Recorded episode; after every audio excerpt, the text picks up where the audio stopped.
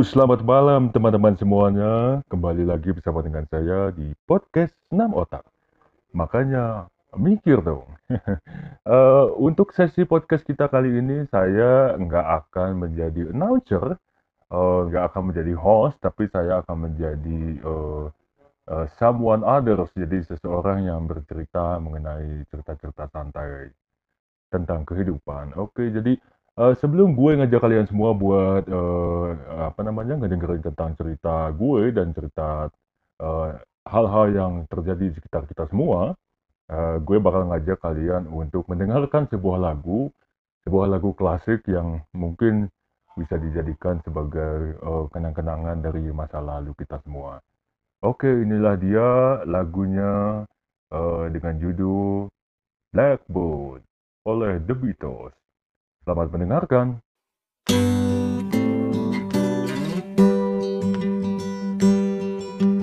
Blackbird singing in the dead of night. Take these broken wings and learn to fly. All your life, you were only waiting for this moment to rise.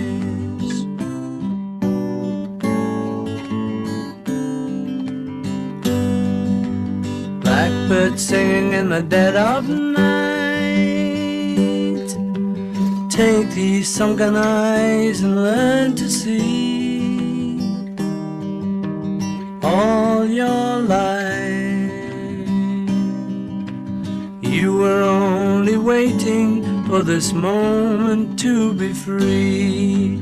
Blackbird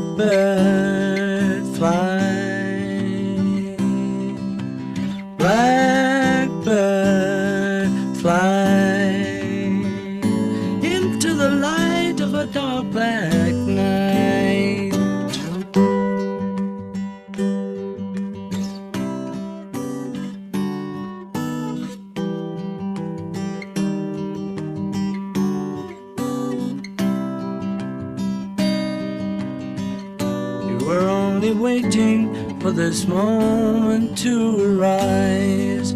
Blackbird fly. Blackbird fly into the light of a dark black night. Blackbird singing in the dead of night. These broken wings and learn to fly. All your life, you were only waiting for this moment to rise.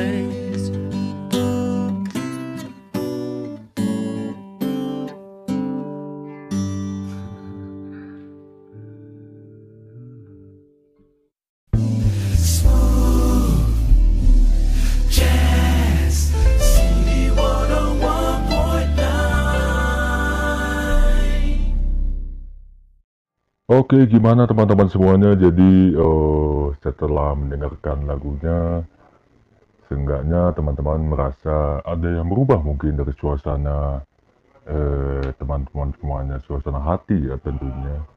Nah, kali ini eh, gue, gue nggak bakalan jadi announcer ataupun jadi host untuk eh, sesi podcast kita semua di podcast 6 otak ini. Tapi eh, gue, gue kenapa jadi gitu ya? Jadi itulah yang berbeda.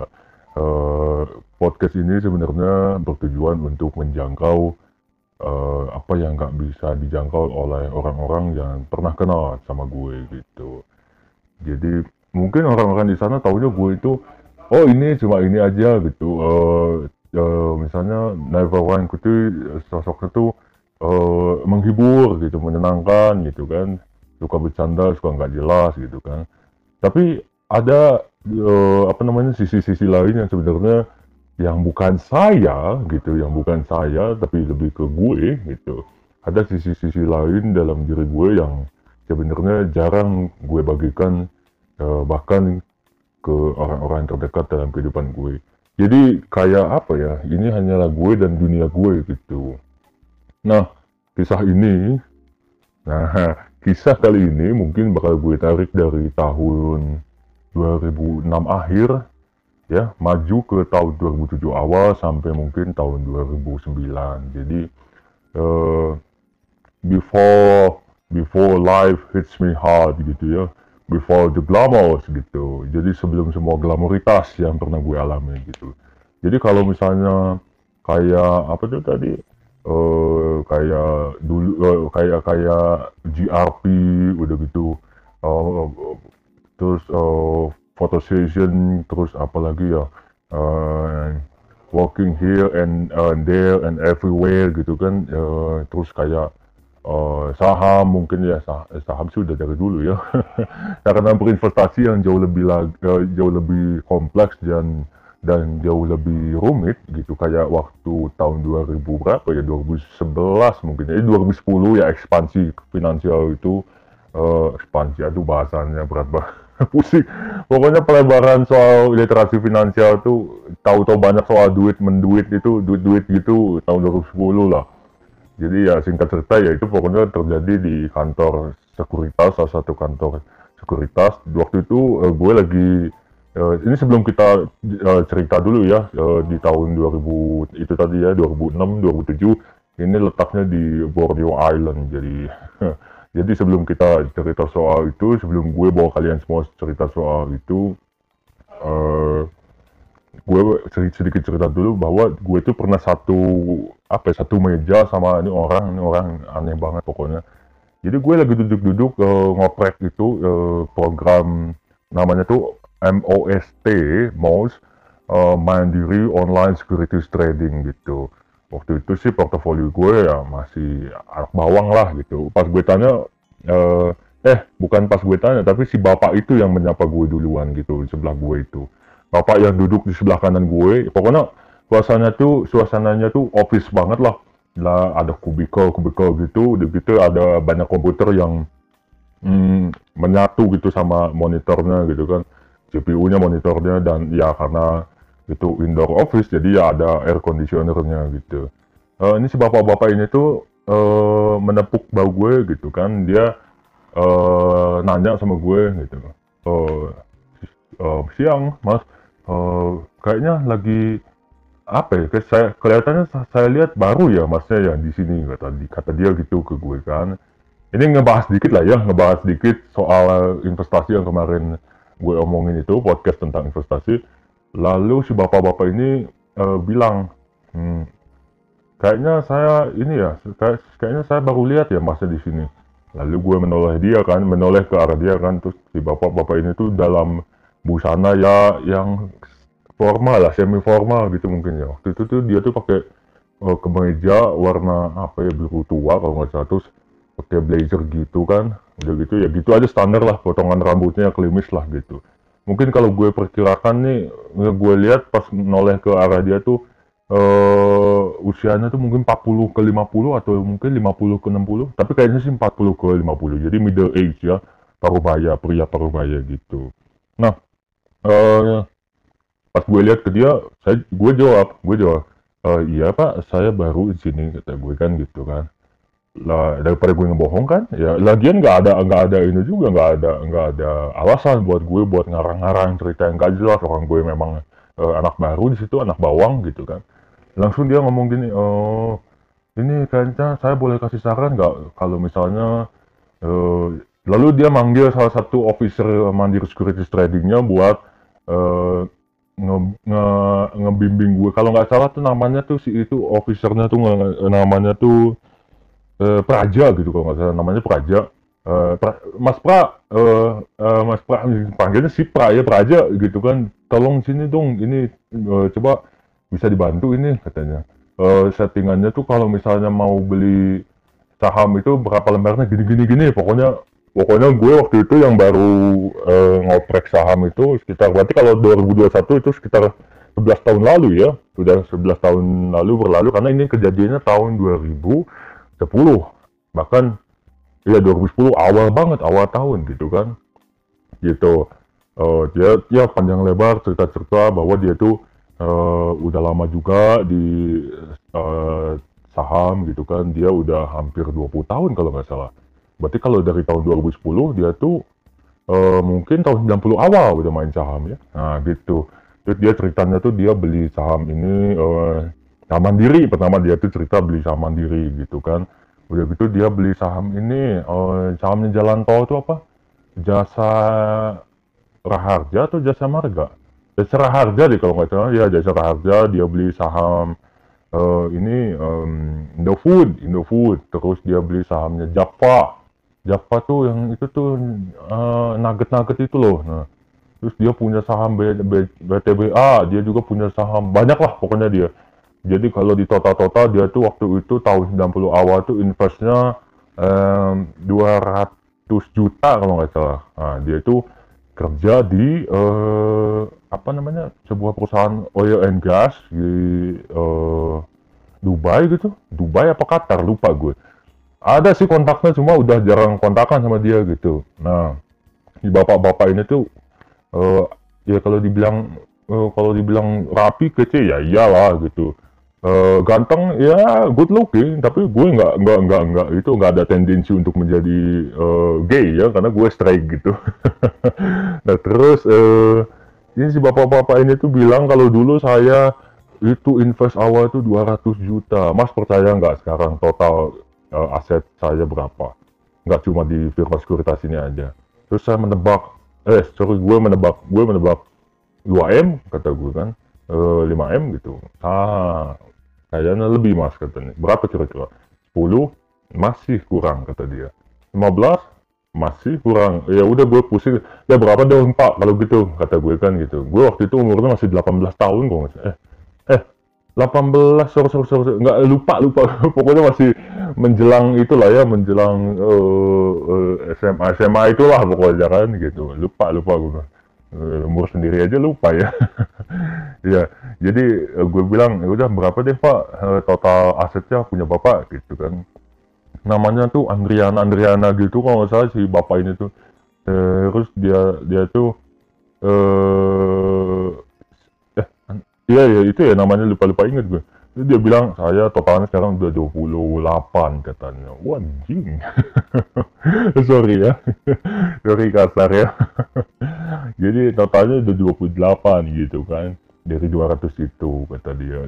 Wah gila dong gitu. Jadi saya kata dia tuh saya tuh melewati masa-masa IPO pertama kalinya mandiri IPO kemudian pertama kalinya Telkom IPO kata dia tuh. Pokoknya saya tuh udah main di sini tuh sebelum krisis moneter katanya. Oh iya sih krisis moneter aja 98 kan gitu. Iya. Ya ini orang udah pintar gitu. Ya udah udah udah udah kaya lah kalau di Indonesia jatuhnya mungkin eh eh, dia eh, kan gue gue gue penasaran dong apakah hanya itu aja pak? Eh, aset pribadi kekayaan network bapak gitu? Enggak katanya saya juga ada di yang lain kayak eh, sorry kesenggol dikit mikrofonnya. Eh saya juga ada di yang lain kata dia di ini eh peternakan kemudian peternakan apa ya? Eh, peternakan sapi kalau nggak salah. Tapi ya bukan pedaging sapinya tapi melainkan sapi perah gitu loh. Nah ya, anggaplah kayak ultramilk gitu tapi bukan ultramilk gitu kan. Atau mungkin eh, peternakan sapi lainnya. Terus dia itu punya aset di pokoknya banyaknya di ini sih di pangan. Kalau nggak salah pangan tuh ya perusahaan-perusahaan yang yang menghasilkan eh, bahan makanan gitu. Misalnya itu tadi kan dia punya peternakan sapi perah gitu. Berarti produknya susu gitu kan. Terus dia punya di perkebunan juga gitu. Dia di perkebunan itu kalau salah dia tuh main di Jati deh Jati Belanda kalau nggak salah. Kalau gue pribadi keluarga itu eh apa Gaharu Gaharu sama Ebony Ebony eh, iya Ebony ya kayak Ebony ya iya. Eh, tapi ya itulah masih eh ya, ya zaman dulu lah itu kan. Pokoknya gue sharing lah sama dia. Kita kalau keluarga saya eh, Gaharu karena Gaharu itu eh, apa namanya get- getahnya itu bisa dijual katanya. Oh gitu ya mas kata dia kan Eh, oh sorry ngomong-ngomong siapa ini mas siapa kata dia kan gitu oh saya Nafa pak oh panggil aja eh Nafa lah pak gitu gitu oh iya salam kenal ya mas Nafa ini eh, saya jarang-jarang lihat ada yang masih semuda masnya ini coba uh, uh, tebakan saya masnya masih di bawah 20 tahun betul kata dia kan oh iya pak saya SMA aja belum kata gue kan gitu uh, jadi ya eh, dia salut gitu kan dia bilang gini oh, saya salut mas. Oh, saya belum pernah lihat yang semuda ini sih gitu. Memang sih kalaupun ada yang lebih muda mungkin anak saya yang saya ajarin katanya. Usianya masih tujuh tahun gitu. Tapi dia belum mau paham gitu. Oh iya pak. Gitu ya ketawa-ketawa lah gitu. Eh, heran ya. Heran. Itu itu itu uh, adalah masa-masa di mana gue udah digodok mungkin ya. Tahun 2010 itu gue udah digodok. Karena gue digodoknya tuh digodok tuh maksudnya di, di, di ini ya dimatangkan gitu. Gue itu di godoknya tuh di Kalimantan gitu di Kalimantan Timur gitu di di Pulau Borneo gitu. Jadi setelah itu setelah uh, ya sorry sorry bukannya mau spoiler atau apa tapi emang duka mendalam itu di sana di Pulau Borneo itu. Jadi udah di ya udah diombang ambing lah gitu mental gue baru balik-balik ke Jakarta balik-balik ke Bandung ya udah inilah udah udah udah lebih stabil mungkin gitu bahkan ya jadi banyak yang orang nggak tahu gitu apalagi kalau cuma sekedar oh hai oh iya itu si Nafa gitu. Ya udah sih cuma sekedar lewat doang gitu. Ya bukan bukan intimate friends eh, bukan intimate friends atau intimate family members bahkan oh, bahkan family members pun gue nggak nggak seintimate itu. Ya hanya beberapa saja gitu. Hitungan jari perhaps satu dua atau tiga gitu. Biasanya sih sepupu yang sebaya sama gue gitu. Jadi uh, apa tuh namanya? Uh, nggak gampang lah gitu buat gue untuk mengekspresikan semuanya gitu. Nah balik lagi tuh si bapak itu tadi uh, ya itu asik sih dia. Uh, ya, uh, apa tuh namanya? Hmm, ngobrol-ngobrol banyak lah ya dengan dia gitu. Gue sempat juga main ke rumahnya gitu. Sempat juga ngelihat portofolionya tentang bagaimana cara tips-tipsnya gitu. Berinvestasi saham di uh, Mandiri Sekuritas atau mungkin di BCA Sekuritas gitu. Kan dia bilang ada kemarin itu kan gue jelasin juga kalau ada Samuel Securities ada juga Krishna. Waktu itu gue sempat ngeremehin, ngeremehin Faburi gitu. Ngeremehin Bitcoin sorry. Nah Bitcoin itu ada di Faburi kalau nggak salah itu tuh pas gue SMA tuh udah SMA tuh tahun 2012 atau 2013 gitu. Nah, nah itu itu itu pertama kali itu diremehin uh, dan investnya tuh di Faburi gitu. Ini nggak tahu ya Faburi ini gede apa kecil gitu. apa, apa, apa sekarang masih ada atau enggak gitu. Dan kantornya sih lumayan lah ya good looking ya. Waktu itu di jalan Diponegoro gitu kalau nggak salah. Di dekat uh, museum geologi. Nah itu tahun-tahun itulah pokoknya. Itu tuh udah lama lah udah lewat lah gitu nah itulah kira-kira. Jadi dari situ masih gue pelihara tuh soal invest, investment long term investment tuh begitu. Ya singkat cerita eh, kesimpulannya kata dia mas kalau mau invest itu di perbankan aja. Eh, walaupun mungkin kalau invest di komoditas seperti PTBA itu eh, atau misalnya eh, ini eh, apa tuh? Aduh yang terkenal tuh Rio Tinto gitu apa tuh? Lupa nama emitennya tuh kalau nggak salah di pasar saham tuh memang sih mereka dividennya lebih gede gitu. Tapi kalau mas mau ngincer uh, long term ya mas ini aja kata dia di ya, perbankan aja. Oke okay, gue oke okay, oke okay, oke oke. Intinya gue paham lah ya gitu. Oke. Okay. eh, capeknya nah uh, ini kayaknya mudah-mudahan nggak lupa nih mau cerita apa nih. Oh iya jadi uh, akan disambung mungkin ya ke podcast selanjutnya sampai saat ini akan gue ini dulu ya gue cut dulu biar dipecah aja deh gitu oke okay? uh, ini ada satu lagu lagi sebelum kita memulai ke podcast yang berikutnya. Jadi podcast ini durasinya 15 menit lebih dikit lah, di bawah 20 menit. Oke, okay, see you on the next podcast with my story dengan mungkin dengan beberapa kisah kecil gue yang bisa gue bagikan buat teman-teman yang mungkin juga bisa menjadi sebuah inspirasi. Thank you. Thank you and goodbye.